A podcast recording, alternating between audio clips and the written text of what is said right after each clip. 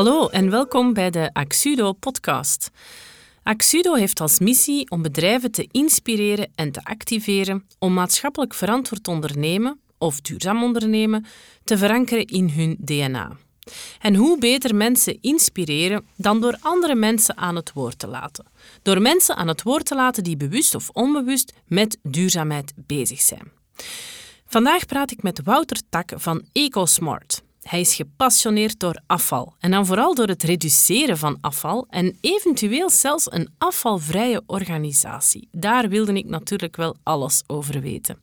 En inderdaad ook een topic dat niet kan ontbreken in deze podcastreeks. Wouter, welkom. Hallo, goedemiddag. Hallo. Uh, ik heb je al heel kort even geïntroduceerd, Wouter, maar misschien is het wel fijn dat je zelf nog eens zegt hè, van wie is Wouter? Ja, ik ben dus Wouter. Ik, uh, ik woon zelf in Oudenaarde, dus Oost-Vlaanderen. En uh, ik werk nu een viertal jaar voor EcoSmart. EcoSmart is een dochterbedrijf van Renewy. Ik denk ja, de grootste afvalspeler in België. En wij focussen ons voornamelijk op grote organisaties die graag ja, afval willen gaan verduurzamen. Dus dat is echt wel de bril die ze moeten aanhebben. En daarmee gaan wij echt als afvalexpert, als kennispartij proberen hen daar zo goed mogelijk in te begeleiden. En eigenlijk het grootste doel is ja, enerzijds afval vermijden. Klinkt misschien wel wat raar voor een afvalbedrijf.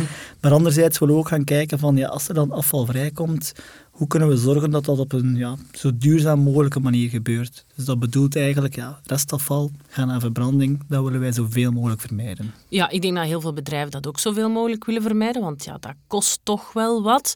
Um, maar als we het dan hebben over milieu-impact van afval, is misschien ook wel interessant om dat even uh, te vermelden. Natuurlijk, ja, de, de kosten in euro's zijn duidelijk, maar de milieu-impact is toch ook wel gigantisch. Kan je daar iets over vertellen? Zeker. Um, ik denk dat dat net de trigger is dat bedrijven voor ons kiezen. Ze, hebben afval. Hè. De makkelijkste oplossing is, je plaatst één bakje aan een bureau en je zegt tegen je werknemers van, gooi het er maar in, ik heb er niet veel werk aan, ik gooi het in een container van achter en het is opgelost. Maar enerzijds, als je dan kijkt naar Vlaanderen, hè, dus wetgevend, hè, omdat die milieu-impact er wel is, zegt de Vlaamse regering van, nee, je mag niet één bak zetten, je hebt er meer dan twintig nodig, bij wijze van spreken. Dus voor veel bedrijven klinkt dat al, oei, hoe ga ik dat voor elkaar krijgen? Maar het is wetgevend, dus ze moeten enerzijds. Um, tweede punt is dan dat een bedrijf ook zegt van ja, ik wil niet geassocieerd worden met die in één bak. Ik wil niet dat andere mensen of, of ja, klanten van ons of stake- shareholders echt gaan kijken van ja, die doen daar niets mee, die zijn alleen maar vervuilend, want dat is een makkelijke oplossing. Nee, ze willen net het verschil gaan maken. Hè. Dus dan kijk ik puur naar dat imago. Hè. Dus gezegd milieu-impact, imago, die twee gaan hand in hand. Mhm. Dus op dat vlak denk ik wel dat er heel veel vragen zijn bij bedrijven. Ja.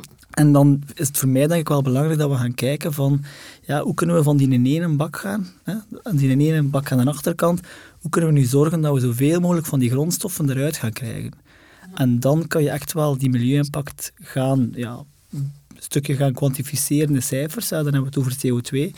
Maar ook visueel kun je het gaan duidelijk maken. Um, Wat dat ik wel um, opvallend vind, hè, je zegt we gaan afval en je sprak ook over grondstoffen. Hè. Ik denk dat dat wel een belangrijk punt is om toe te lichten.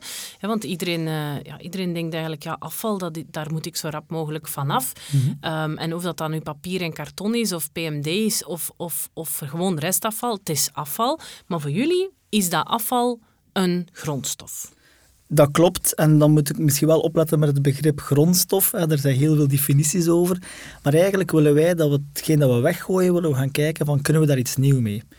En dan Renewy heeft nu tegen 2025 de, de ambitieuze doelstelling gesteld dat zij 75% van alles wat ze inzamelen eigenlijk als nieuwe grondstof, ik ga nu het woord gebruiken, opnieuw willen gaan inzetten. Dus dat betekent dat er maar een vierde van die miljoenen kilogrammen naar verbranding zou mogen gaan. En dan denk ik dat we wel op goede weg zijn. En, ehm, en, mag ik vragen waar we vandaag zitten? Het laatste cijfer dat ik had gehoord was een 68 procent. Dus we zijn echt wel al koploper. Nu zeggen we, oh, het is maar 7 procent. Maar ik ben me wel bewust dat die 7 procent echt wel kleine stapjes zijn die financieel wel een impact hebben, maar die ook heel traag vooruit gaan. Ik denk van 0 naar 68 was een lange weg. Hè. Ehm, misschien wel een makkelijkere weg, maar nu van 68 naar die 75, dat wordt echt wel een uitdaging. Zeg, en, en als ik het dan goed begrijp, ja, dan hangt er eigenlijk alles vanaf bij de ophaling? Hè? Want jullie mogen zelf wel eens ambitie hebben van we willen nog meer gaan kunnen hergebruiken of recycleren. Maar ja, het hangt wel af van waar dat je het gaat ophalen. Dus wat zijn dan zo concrete uh, zaken die jullie een bedrijf kunnen aanbieden om er eigenlijk voor te zorgen dat uh, het eigenlijk al aan die ophaling goed zit? Ja. Ik denk dat daar net het verschil bij ons ligt bij EcoSmart. Ik zeg, om het heel simpel uit te leggen, zeg ik altijd, je hebt een achterkant. Rolcontainers, je hebt logistiek, dus je transport. Je hebt verwerking en dan die grondstoffen, die worden dan doorverkocht voor nieuwe producten van te maken. Wij bij EcoSmart zijn eigenlijk de voorkant. Wij gaan binnen bij bedrijven. Wij gaan kijken van hoe hebben jullie het nu georganiseerd? Hoe kunnen we nu zorgen dat alles dat hier vrijkomt op een correcte manier in die container aan de achterkant kan geworpen worden, met dan als doel zo weinig mogelijk zakken in dat restafval. PMD willen we eruit halen, papier, karton willen we eruit halen. Dat zijn de meest courante die in mijn ogen denk ik wel deel van de maatschappij zijn. En niemand twijfelt daar nog over. Kijk maar naar een glas. Als je thuis een glazen fles hebt, niemand denkt eraan om dat bij het restafval te gooien. Ik ga naar de glasbol. Maar dan gaan we nog een stapje verder. Wat met koffiebekers? Hè? Um, moesten we een uur tijd hebben, zou ik hier nog een uur kunnen op, op ingaan. Maar ik denk, dat zijn ook kleine zaken. Dat gaat over 4% van uh, een zakelijk kantoor. Dus dat zijn koffiebekers. Wat met dat voedselrestenafval?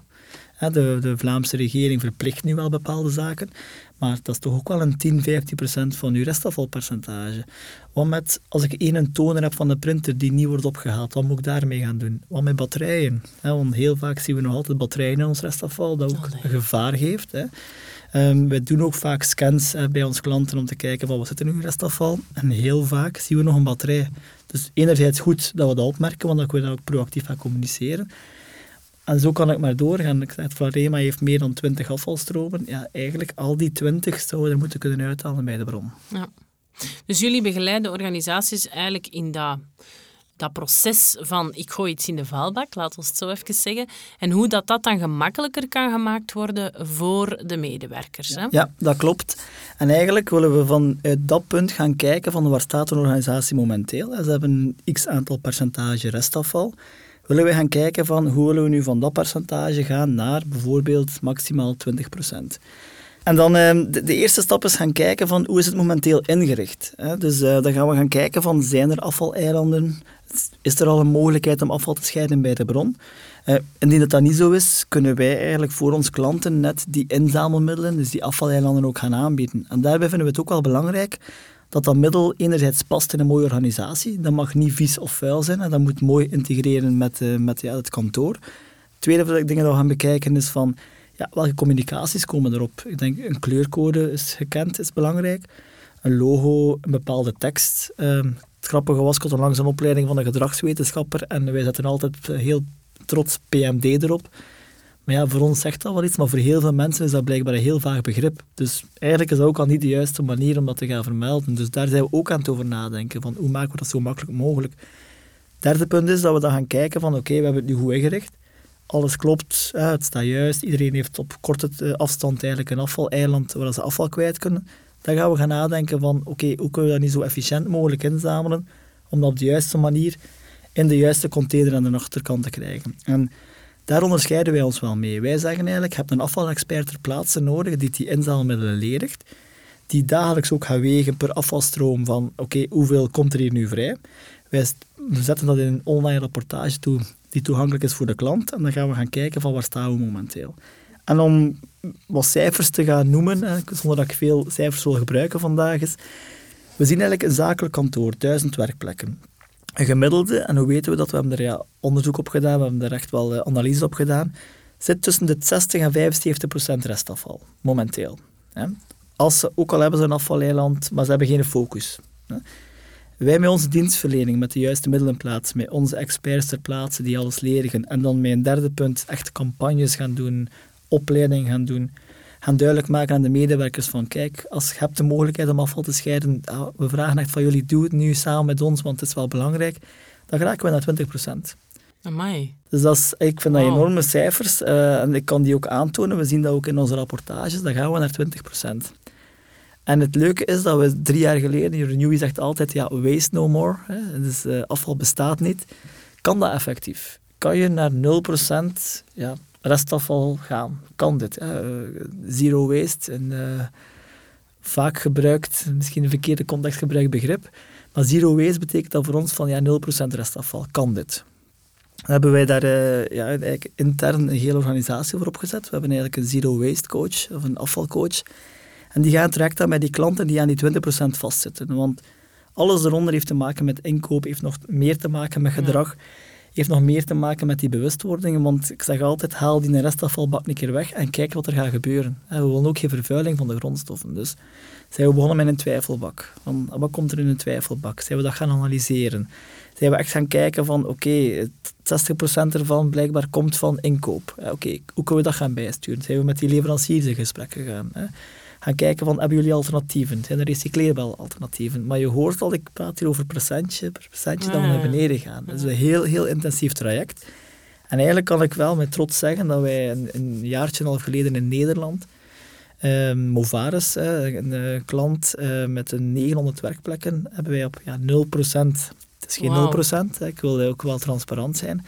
Het is 1,34%, want ja. ja. we hebben een stof van een stofzuigerzak. Ja kunnen we wel iets mee, maar in die mate niet. We hebben latex handschoenen, we hebben mondmaskers, om een voorbeeld te geven. We zeggen eigenlijk het zero waste punt is 1,4 procent. Ja, amai, ja, dus dat, is, dat is enorm. Ja, ik vind dat enorm uh, iets waar we echt wel trots kunnen op zijn. En het kan effectief. Ja. We moesten nu aan Movares vragen van, was dat een gemakkelijk traject? Dat gaan ze echt wel gaan benoemen, dat dat wel heel wat stappen uh, nodig had heeft om dat te kunnen gaan bereiken. En kan al met trots zeggen, en ik mag het ook communiceren, dat in België gaat de volgende zijn die uh, gaat vallen. En dat is het hoofdkantoor van Nestlé in Anderlecht. Ik vermoed, dat wil bijna niet zeggen, maar ik denk dat we ergens tegen september daar normaal het traject gaan afgerond hebben en we zien gelijkaardige percentages zoals bij Movaris. En dan is er een onafhankelijk bureau die dat certificaat komt uh, uitreiken. Dus, uh, dus, voor mij zal denk ik het hoogtepunt dat op mij afkomt ja. dit jaar, is toch dat we die 0% gaan benaderen en ook wel tonen, want het kan effectief. Ja, ja ik zie het. Hè. Mensen zien dat niet, maar hij zit hier te glunderen. Het is niet te doen. Zalig. Maar, maar, maar ja, het verbaast mij langs de ene kant wel dat je zo tot dat percentage kan raken. Tot die 20%, daar ben ik nog wel mee. Maar zo tot die 1 à 2%, wauw, heel knap. En ik denk dat dat ook niet onderschat is wat dan het effect is van, van zo'n eh, effort voor het bedrijf op zijn medewerkers. Want iets wat ik ook heel vaak probeer duidelijk te maken, is dat de, de, een bedrijf ook een bepaalde verantwoordelijkheid heeft naar zijn medewerkers toe. En eigenlijk door 900 werkplekken echt uh, consistent naar die, naar die bijna zero waste grens te brengen, breng je die mensen, vermoed ik, merendeel daarvan, ook thuis in een bepaalde bewustwordingsfase, waarmee dat ze dus thuis ook mee aan de slag gaan gaan. En dat vind ik juist zo knap. En dat vind ik persoonlijk het mooie aan, aan bedrijven die aan de slag gaan met alles wat met duurzaamheid te maken heeft, is dat je het effect hebt. En in dit geval, rond afval, heb je echt een, een effect op je medewerkers. En die gaan daar thuis ook mee aan de slag. Dus echt wel knap en, en ook echt heel inspirerend verhaal. Um, je sprak daar straks van ja, van afvaleilanden. We hebben het al gehad over, de, over afvalstromen binnen de bedrijven hè, nou, bij de, bij de, en de impact daarvan op de medewerkers. Maar wat misschien ook nog een interessant topic is om eventjes over te hebben, is over events. Hè. De meeste bedrijven organiseren wel eens iets. Um, en ja, we hebben al in een vorige podcast, een paar podcasts geleden, hebben we uh, Sophie van Parfie hm. gehad, die dat de duurzame belevenissen organiseert. In dat concept kadert eigenlijk jouw verhaal ook wel. Hè. Wat, wat, kan, wat kan je aanbieden met EcoSmart op gebied van events? Um, wij hebben ook een dienst of een expert die echt wel met events bezig is. Dus we krijgen in Nederland vaker de vraag van, we hebben nu een beurs of een groot event Ehm, wat kunnen wij nu op vlak van afvalvrij uh, ambitie, uh, wat kunnen we daar nu een stuk gaan bereiken? En lastige vraag, want ja, ik denk ook, je hebt events een heel breed begrip. Ik denk een beurs leunt zich er iets makkelijker toe dan een bepaald festival. Um, maar er zijn wel stappen te zetten. Um, dat begint al met de juiste inrichting. Dat begint al met afspraken met uw leveranciers. Dat begint met grote afspraken met uw catering. Van kijk, dit is ons event die afvalstromen kunnen we inzamelen. Dus als je iets meebrengt, hou rekening mee dat we die en die zaken kunnen apart houden. Dus inkooptechnisch kunnen zij dat perfect een stuk gaan managen. Maar dat vraagt echt wel een bepaalde verantwoordelijkheid en ook een bepaalde opvolging. En dat proberen wij dan voor die bedrijven een stuk over te nemen als een intensief traject. Ik merk ook dat we in België meer en meer eigenlijk, ja, eventenbureaus zien die hier wel de, de, juiste vragen over stellen. Die, die echt wel bewust nadenken van ja, we moeten ook samen er iets gaan aan doen. En ik denk dat dat dan het belangrijkste van alles, en dat probeer ik ook tegen ja, bedrijven te zeggen die een groot kantoor hebben, is het is niet enkel wij die dat voor jullie gaan oplossen. Het is niet enkel jullie die dat gaan oplossen. Het is niet enkel die een leverancier die dat gaat oplossen. Het is net door die samenwerking dat je die stap kunt gaan zetten. En, en soms heb je iemand nodig die een keer ja, die, die, die focus, want dat is wel een belangrijk begrip dat ik wil blijven gaan halen, die focus erop legt om dan dat verschil te gaan maken. Zeg, en, en zie je dan ook bij, bij zo'n event en bij, zo'n, ehm, bij bedrijven, krijg je hoogstwaarschijnlijk ook wel regelmatig wat tegenwind, zullen we maar zeggen. Hè. Laat ons het maar direct benoemen. Uh, er zijn toch wel wat mensen die dat eigenlijk allemaal... Uh, ja, maar, maar ja, bullshit vinden, zullen we maar zeggen. Hm. Ja, dat is toch niet gemakkelijk om daarmee om te gaan. Worden uw mensen die dan bij zo'n bedrijf zitten, worden die daar dan ook in gecoacht en leren die dat dan, hoe ze daar dan mee om moeten hm. gaan? En dat is net het verschil dat wij willen maken, van als je dat wil bereiken, heb je ook wel de juiste mensen nodig bij die bedrijven. Dus die worden wel gecoacht en getraind om daarmee eigenlijk dat doel te gaan dragen. En ik denk dat het ook wel aantrekkelijk is voor hen dat zij eigenlijk een afvalcoach zijn die mee die doelstelling bij dat bedrijf wil gaan, gaan bereiken. En we hebben medewerkers die dat zeer graag doen en goed kunnen. We hebben er ook bij die daar minder voor staan te springen. Dus we houden ook wel rekening met iedereen zijn capaciteiten. Maar los daarvan hebben we ook wel eigenlijk iemand, een soort ja, projectmatig die stappen gaan zetten met een klant. Want zoals je benoemt, die weerstand, ja, die ondervinden wij wel vaak hevig. Ehm, maar ik vind dat net dat de uitdaging. Als er eh, veel weerstand is, is er net ook een teken dat er veel moet veranderd worden. En ik zeg altijd, iemand die klaagt over het feit dat hij twee meter moet stappen naar een afvaleiland, zal misschien het eten ook niet lekker vinden, of misschien de chauffage te warm vinden, of het licht is niet goed genoeg. Laten we al beginnen met die 60, 70 procent die het echt wel wil. En dat, is ook, en dat probeer ik dan vooral te onthouden. We krijgen heel vaak goede reacties. Want bij de implementatie van nieuwe klanten, waar we die eilanden gaan plaatsen, doen we tijdens de kantooruur. Dat geeft misschien wel wat herrie, maar mensen komen kijken van oh, wat gebeurt er hier? En dan spreken we ze aan van ja, kijk, we, we willen samen op weg. En ik hoor alleen maar leuke, positieve reacties. En ik denk dat ik me daar moet aan, uh, aan vasthouden om dan die klant vooruit te gaan helpen. En die 20% die wat twijfelt, die wat vragen heeft, die komt wel. Dat kunnen we niet van op de eerste dag al een stuk gaan verwachten. Die, die volgen wel. En die 10% die het ja, blijft lastig vinden, ja. ja. Ik ga er maar vanuit gaan dat die ooit ook wel zullen volgen. En uh, ik hoop het dan dat we daar die een stap ook wel kunnen zetten. Ja, uiteindelijk gaan zo mensen met weerstand toch ook wel gewoon mee in dat verhaal. En, uh, en is het dan niet zo, ja, dan, dan is het misschien nog die ene procent dat je nog over hebt. Dan, ja. Het is dat, ja. Maar het is, het is, daar mogen we niet wakker van liggen. Als dat hetgeen is dat je gaat tegenhouden, en dan, dan merk je wel vaak bij organisaties dat er, als er een paar luide roepers zijn en die hebben een bepaalde impact, daar moet je wel van bewust zijn dat je die ook moet meepakken in het verhaal. Ook al gaan ze ah. niet akkoord, maar neem ze toch maar mee in het verhaal. En dat is eigenlijk gelijk in eender welk ander change traject. Hè. Als je met nieuwe software komt of als je met een nieuwe manier van werken komt, dat is die weerstand dat je moet managen. Hè. Dus dit, dan hm. nemen jullie ook mee in het verhaal en dat, je kunt ook niet anders. Hè. En alles gaat over, ja, ik probeer altijd de communicaties niet, niet met vingertje te gaan wijzen, maar gewoon te gaan zeggen van kijk, dat is onze visie, dat is de visie van jullie bedrijf. En samen willen we dat gaan bereiken. En ik denk dat dat het belangrijkste is. Van, Ik geef een simpel voorbeeld met de communicaties van hey, klant, proficiat, jullie hebben uh, zoveel kilogram uh, etensresten ingezameld. Dat betekent dat jullie nu 20.000 kilometer kunnen rijden met elektrische wagens dankzij jullie sortering. En dat zijn ja, vage dingen, maar dat spreekt wel meer voor zich dan hey, je hebt 12.000 CO2 bespaard. Dat is waar. Dat is zo'n leeg begrip, die CO2-besparing dan. Ja.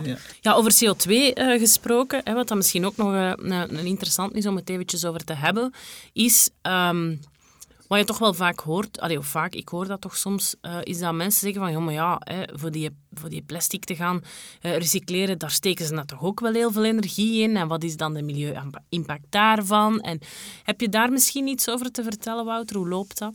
Ja, want wij zijn er ook al mee bezig. Enerzijds omdat we vanuit ESG's vaak KPI's zien bij klanten die daar wel een vraag over stellen. Van hoe kun je dat inzichtelijk maken dat je daar progressie maakt. Maar anderzijds hebben we ook onze rapportering. En in onze rapportering is er eigenlijk een calculatietool die bepaalde zaken gaat omrekenen in CO2-besparing, in zoveel uur elektriciteit. En wat je daar kunt over zeggen is enerzijds, ja, als je PMD inzamelt, hè, heb je ook een CO2-uitstoot. Want je hebt een inzameling, hebt een aanvoerlogistiek, hebt je verwerking, je eindverwerking. Dat kost bijna evenveel CO2 als bijvoorbeeld een ton restafval. Hè. Maar waar zit net de winst in? is eigenlijk gaan kijken van, als we nu een nieuwe grondstof, dus olie, zouden omzetten naar plastics, dat CO2-gehalte is maal 4 ten opzichte van eigenlijk die te gaan recycleren. Dus daar zit net die winst in. Door een bestaande plastic te gaan recycleren tot een nieuwe plastic, zit net die winst erin dat je dat, ja, een grondstof, een nieuwe grondstof tot plastic moet gaan maken, dat je die niet meer hebt. Kijk naar papier, karton, heel kort door de bocht een boom omleggen en dan tot zodanig gaan verwerken tot papier.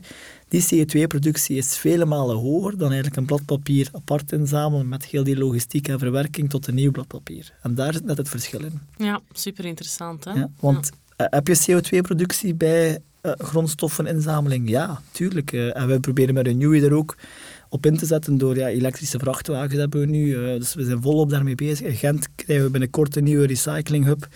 Komt een windmolen, dus dat is ook wel echt wel groot nieuws voor ons bedrijf. Want dat, ook, dat draagt ook bij tot minder CO2-productie. En maar de grootste winst zit er net in dat je dat veel minder CO2 opslorpt dan eigenlijk een nieuw product gaan maken van een nieuwe grondstof. Ja, ja super interessant. Dat wist ik eigenlijk niet. Dus weer iets bijgeleerd. Goed, Wouter, ik, ik, merk dat je echt gepassioneerd bent. Op je LinkedIn staat expert uh, in, in, in, afval, uh, en in afvalvrije organisaties. En je doet je naam wel alle eer aan. Maar wat doe je zoal thuis, Wouter? He, want dat is toch ook altijd interessant. Nu gaat het allemaal uitkomen. nu ga ik, nee, ik ga niet door de mand vallen. Nee, nee. nee. Um, ik moet wel zeggen, ik ben nu vier jaar aan de slag bij, bij EcoSmart Renewy. En ik was me wel bewust van, hey, er moet iets veranderen. En het was wel een ver van mijn bedshow. Dus er nu echt wel in te duiken, ben ik mezelf meer en meer een vraag aan stellen van wat kan ik zelf gaan doen om bijvoorbeeld ja, bij te dragen aan een meer duurzame planeet. En je kunt daar heel extreem in zijn, maar je kunt dat ook denk stap voor stap doen. En ik denk dat ik die tweede ben, stap voor stap. Um, simpel voorbeeld, ik denk dat iedereen in het weekend wel graag een keer een fles wijn open doet. Ja, we hebben zulke goede wijnen in Europa, hè, zelf in België. Je moet het zelf zo ver niet zoeken. Ik vind het een absurd idee dat ik een wijn zou kopen uit Australië of uit Zuid-Afrika of uit Chili. Dat mag nog de beste wijn van de wereld zijn. Er is een schip of een vliegtuig dat met die fles wijn, als je daarbij voorstelt, daar hier komt, omdat daar kan ik het niet meer bij. Dus die, die knop heb ik wel omgedraaid. Um, anderzijds midden in verbouwingen. Dus uh, mijn eerste idee was, voordat je dat offertes van me gaan opvragen, van ja, ik ga het meest duurzame huis zetten. Ik ben meer en meer bewust dat het het meest dure huis gaat worden, want uh, die prijzen zijn enorm gestegen overal. Maar ik merk wel dat die een, die een financiële incentive mij ook wel triggert. Uh, ik ging nog wachten met zonnepaneel. Dat klinkt misschien wel raar in de verbouwing, maar ja, budgetair ja, ging dat op een gegeven moment niet meer lukken. Maar nu dat die prijzen zoveel stijgen, word ik misschien wel nog meer getriggerd om er toch wel snel werk van te gaan maken. Dus, dus enerzijds word ik wel gedwongen door ja, consumptieprijzen die stijgen en dergelijke, maar anderzijds ja, is het ook wel heel moeilijk, vind ik, om, om te voldoen aan die bepaalde duurzaamheidseis. En dan kijk ik vooral financieel, want het is niet goedkoop. Uh, hetgeen dat ik nu vertel over wat wij doen voor bedrijven is ook niet goedkoop. Dus het vraagt wel een inspanning. En, en dat is zo'n een heel lastig evenwicht waar ik momenteel wat tegenaan loop. Maar waar dat kan, ga ik zoveel mogelijk uh, mijn, mijn steentje bijdragen. Ik weet bijvoorbeeld, CNA is nu een kledingmerk dat enkel nog in Europa produceert. Um, ja, dat is voor mij wel een trigger om voor CNA te gaan kiezen. Ja. Um, dat is ook duurzaamheid. Van waar komt iets? Um, als ik kijk naar organisaties um, waar ik mee wil samenwerken, of enerzijds waar ik voor zou gaan kiezen, en die zijn net duurzamer, en het gaat over een paar euro verschil, ja, dan ben ik wel getriggerd om daarvoor te gaan kiezen. en je kunt dat in alle facetten uitzetten, maar uh, ja, probeer echt wel daar heel ver in te gaan. Als ik dan op afval kijk, ja, uh, ik heb nu een uh, diefstarcontainer die, die gewogen wordt en ik zie toch een daling van een kleine 80% in mijn restafval. Dus, knap. Ja, wat een kip en een compostbak en een klein mini-containerparkje in mijn garage niet allemaal kan doen, maar ja, dat werkt wel. En ik ben nu ook wel getriggerd elk jaar om die cijfers te zien. En ik, ik heb als doel, elk jaar wil ik beter doen. En uh, er is gezinsuitbreiding geweest, dus het wordt wel een uitdaging, maar toch um, ja. ben wel getriggerd om daar ook wel die stappen te gaan. Tof, heel leuk. Ja, ik zie dat bij ons thuis ook wel. Hè. We hebben ook een, uh, een um, compostbak gezet en dat is ook gigantisch. gigantisch dat is echt, uh, kippen hebben we nog niet, maar we hebben ook wel konijntjes, die eten dan zo wel uh, al wat restjes op en um, hetgeen dat ze dan mogen. Plus, um, wij hebben nu ja, de PMD-zakken. Hè, mm -hmm. Met de uitbreiding. Is, ja, dat is ongelooflijk wat dat je daar allemaal insteekt. Mm -hmm. Maar ik probeer dan ook wel die je dan weer niet vol te stompen. Ja. Dus ik ga nu, ehm, we hebben in de buurt een, verpakkingsvrije winkel, dus ik ga naar de verpakkingsvrije winkel met mijn potjes en mijn... Mhm. Ik vind het altijd wel een, eh, een uitdaging, hè, want je komt daar dan toe en dan denkt je, oei, ik heb niet genoeg potjes mee. Ja. Dat komt altijd wel goed. En eh, het is altijd wel leuk om, eh, om... Dat is ook een heel ander concept van winkelen. Dus dat probeer ik dan zelf wel ook nog te doen. We- wijn, ja, dat gaan wij ook inderdaad wel heel vaak lokaal pakken. We zijn nu niet zo'n grote alcoholdrinkers, maar ook qua bieren. Ik ga bijvoorbeeld ook aan familie en vrienden ook altijd lokale bieren hebben. Bij Mhm. Ja. Van Tisselt en we hebben Ja, daar ook wel een lokaal bier. Of eh, elk dorp heeft volgens mij tegenwoordig een lokaal bier. Dus eh, dan geef ik een lokaal bier. Ehm, daar probeer ik ook wel op te letten, want uiteindelijk, ehm het heeft nu misschien minder met, eh, met de afval te maken, maar uiteindelijk is lokaal kopen nog altijd het allerbeste, het meest Die logistiek, duurzaam. als ik u de CO2-analyses toon, logistiek slorpt echt wel heel veel op. Ja. En Dus- ik denk dat dat wel een belangrijke is. En ik ben ook wel getriggerd door hetgeen dat nu zegt, van ja, ik ga, ga nadenken lokaal. Ik wil die PMD-zak toch niet volstompen. Ja, dan de volgende vraag is van ja, en dat is ook de belangrijkste stap, is kan ik het vermijden in afval? ja, voilà. En, en daar ligt denk ik mijn grootste uitdaging nu. hè. Ik heb wel afval sorteren op orde, maar nu de volgende stap dat ik moet gaan zetten is van, kan ik afval vermijden? En er zijn alternatieven, maar het vraagt wel een inspanning. Ja, zeker en vast. En je hebt enerzijds ja, je, gebruiksgemak, je comfort, dat heel belangrijk is, maar anderzijds moet je nu echt wel een inspanning doen. En ik geloof er wel in dat dat ooit wel naar een punt gaat komen dat het alleen maar normaal gaat zijn. Dat je je drinkfles in je wagen zitten hebt en toekomt en eh, aan een waterkraantje gaat eh, je water halen en niet meer een fles kopen. Dat is trouwens ook iets dat ik niet doe, is een eh, plastic fles Nee, ik ook niet.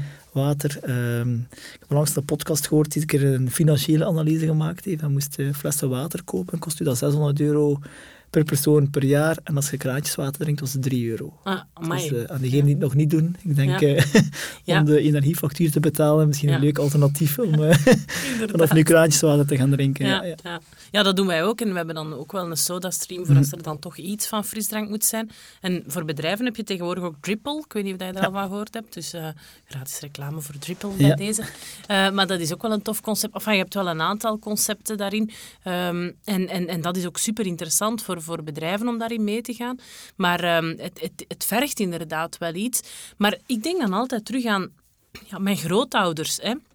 Mijn grootouders zijn van tijdens de... Allee, die waren Mhm. ouders tijdens de oorlog. En eh, ik hoor mijn, mijn moeder dat ook wel vaak vertellen. Ja, de melkboer die kwam langs en die flessen stonden buiten en die spoelde die uit en die vulde die terug.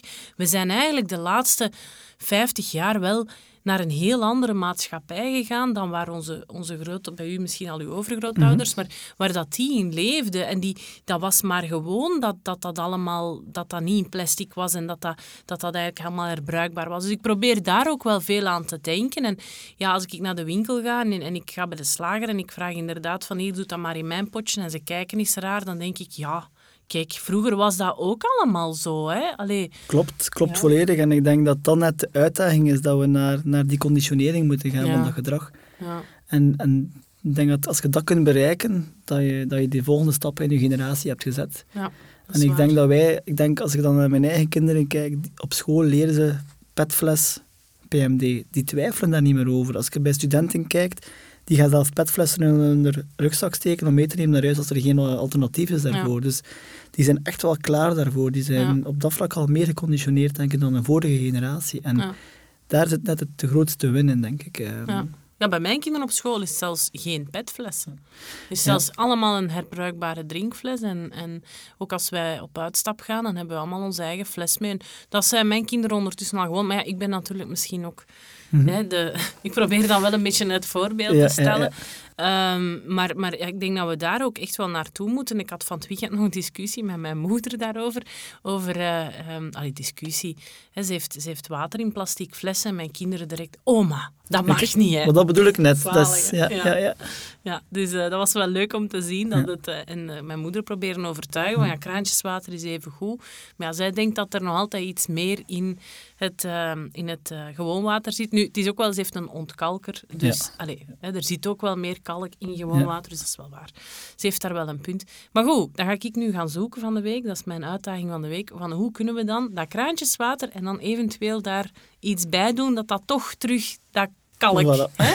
Dan, Maar dan je voelt al, het is niet de gemakkelijkste oplossing. Nee. Nee, dat is waar. en als je geen intrinsieke motivatie hebt om dat te gaan willen doen, dan, dan is het misschien net van, ah, het is te veel moeite, uh, weet wel, Zwaar. En wat maakt mijn verschil nu? Ja, ja. Ik die als enige persoon Ja. geen kraantjeswater Ja, drink. dat is En- typische. Hè. en dat is, dat is een, iets veralgemenend, maar toch is dat wel nog iets dat in ons achterhoofd zit. Ehm, Ja, ik krijg die vraag heel veel. Laatst had ik een, een, een workshop van iemand binnen onze groep die, die er echt wel expert in is.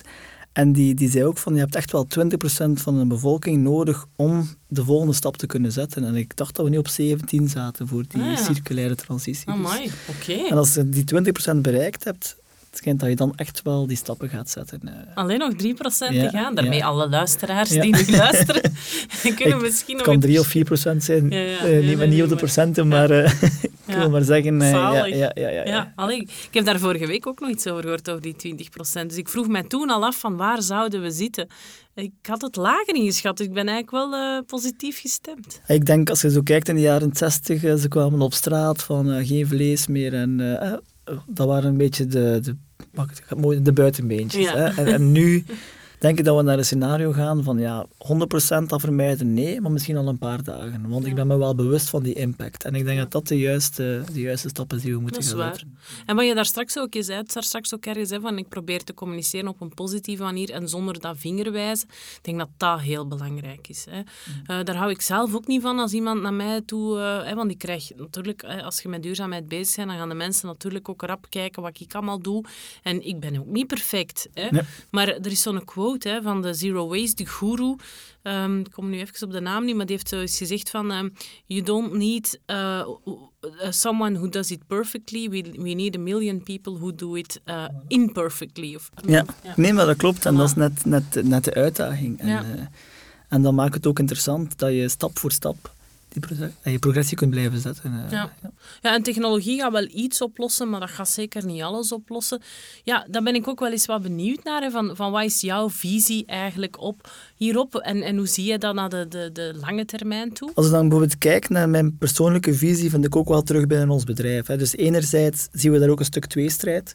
Gaan we gaan investeren en dat zijn we ook 100% aan het doen om te zorgen dat dat, als het op een band komt, dat we die grondstoffen er echt wel kunnen uithalen. Dat is één belangrijke noodzakelijke evolutie. Maar anderzijds geloof ik echt wel in die, in die bronscheiding. En dan wil ik nog een stapje verder gaan in die, in die visie.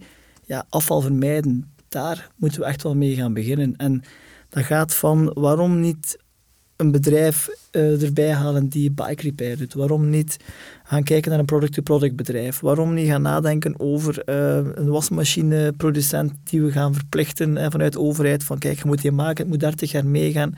En zorg maar dat we het kunnen aanpassen en dat we het kunnen verbeteren naar onze noden en normen.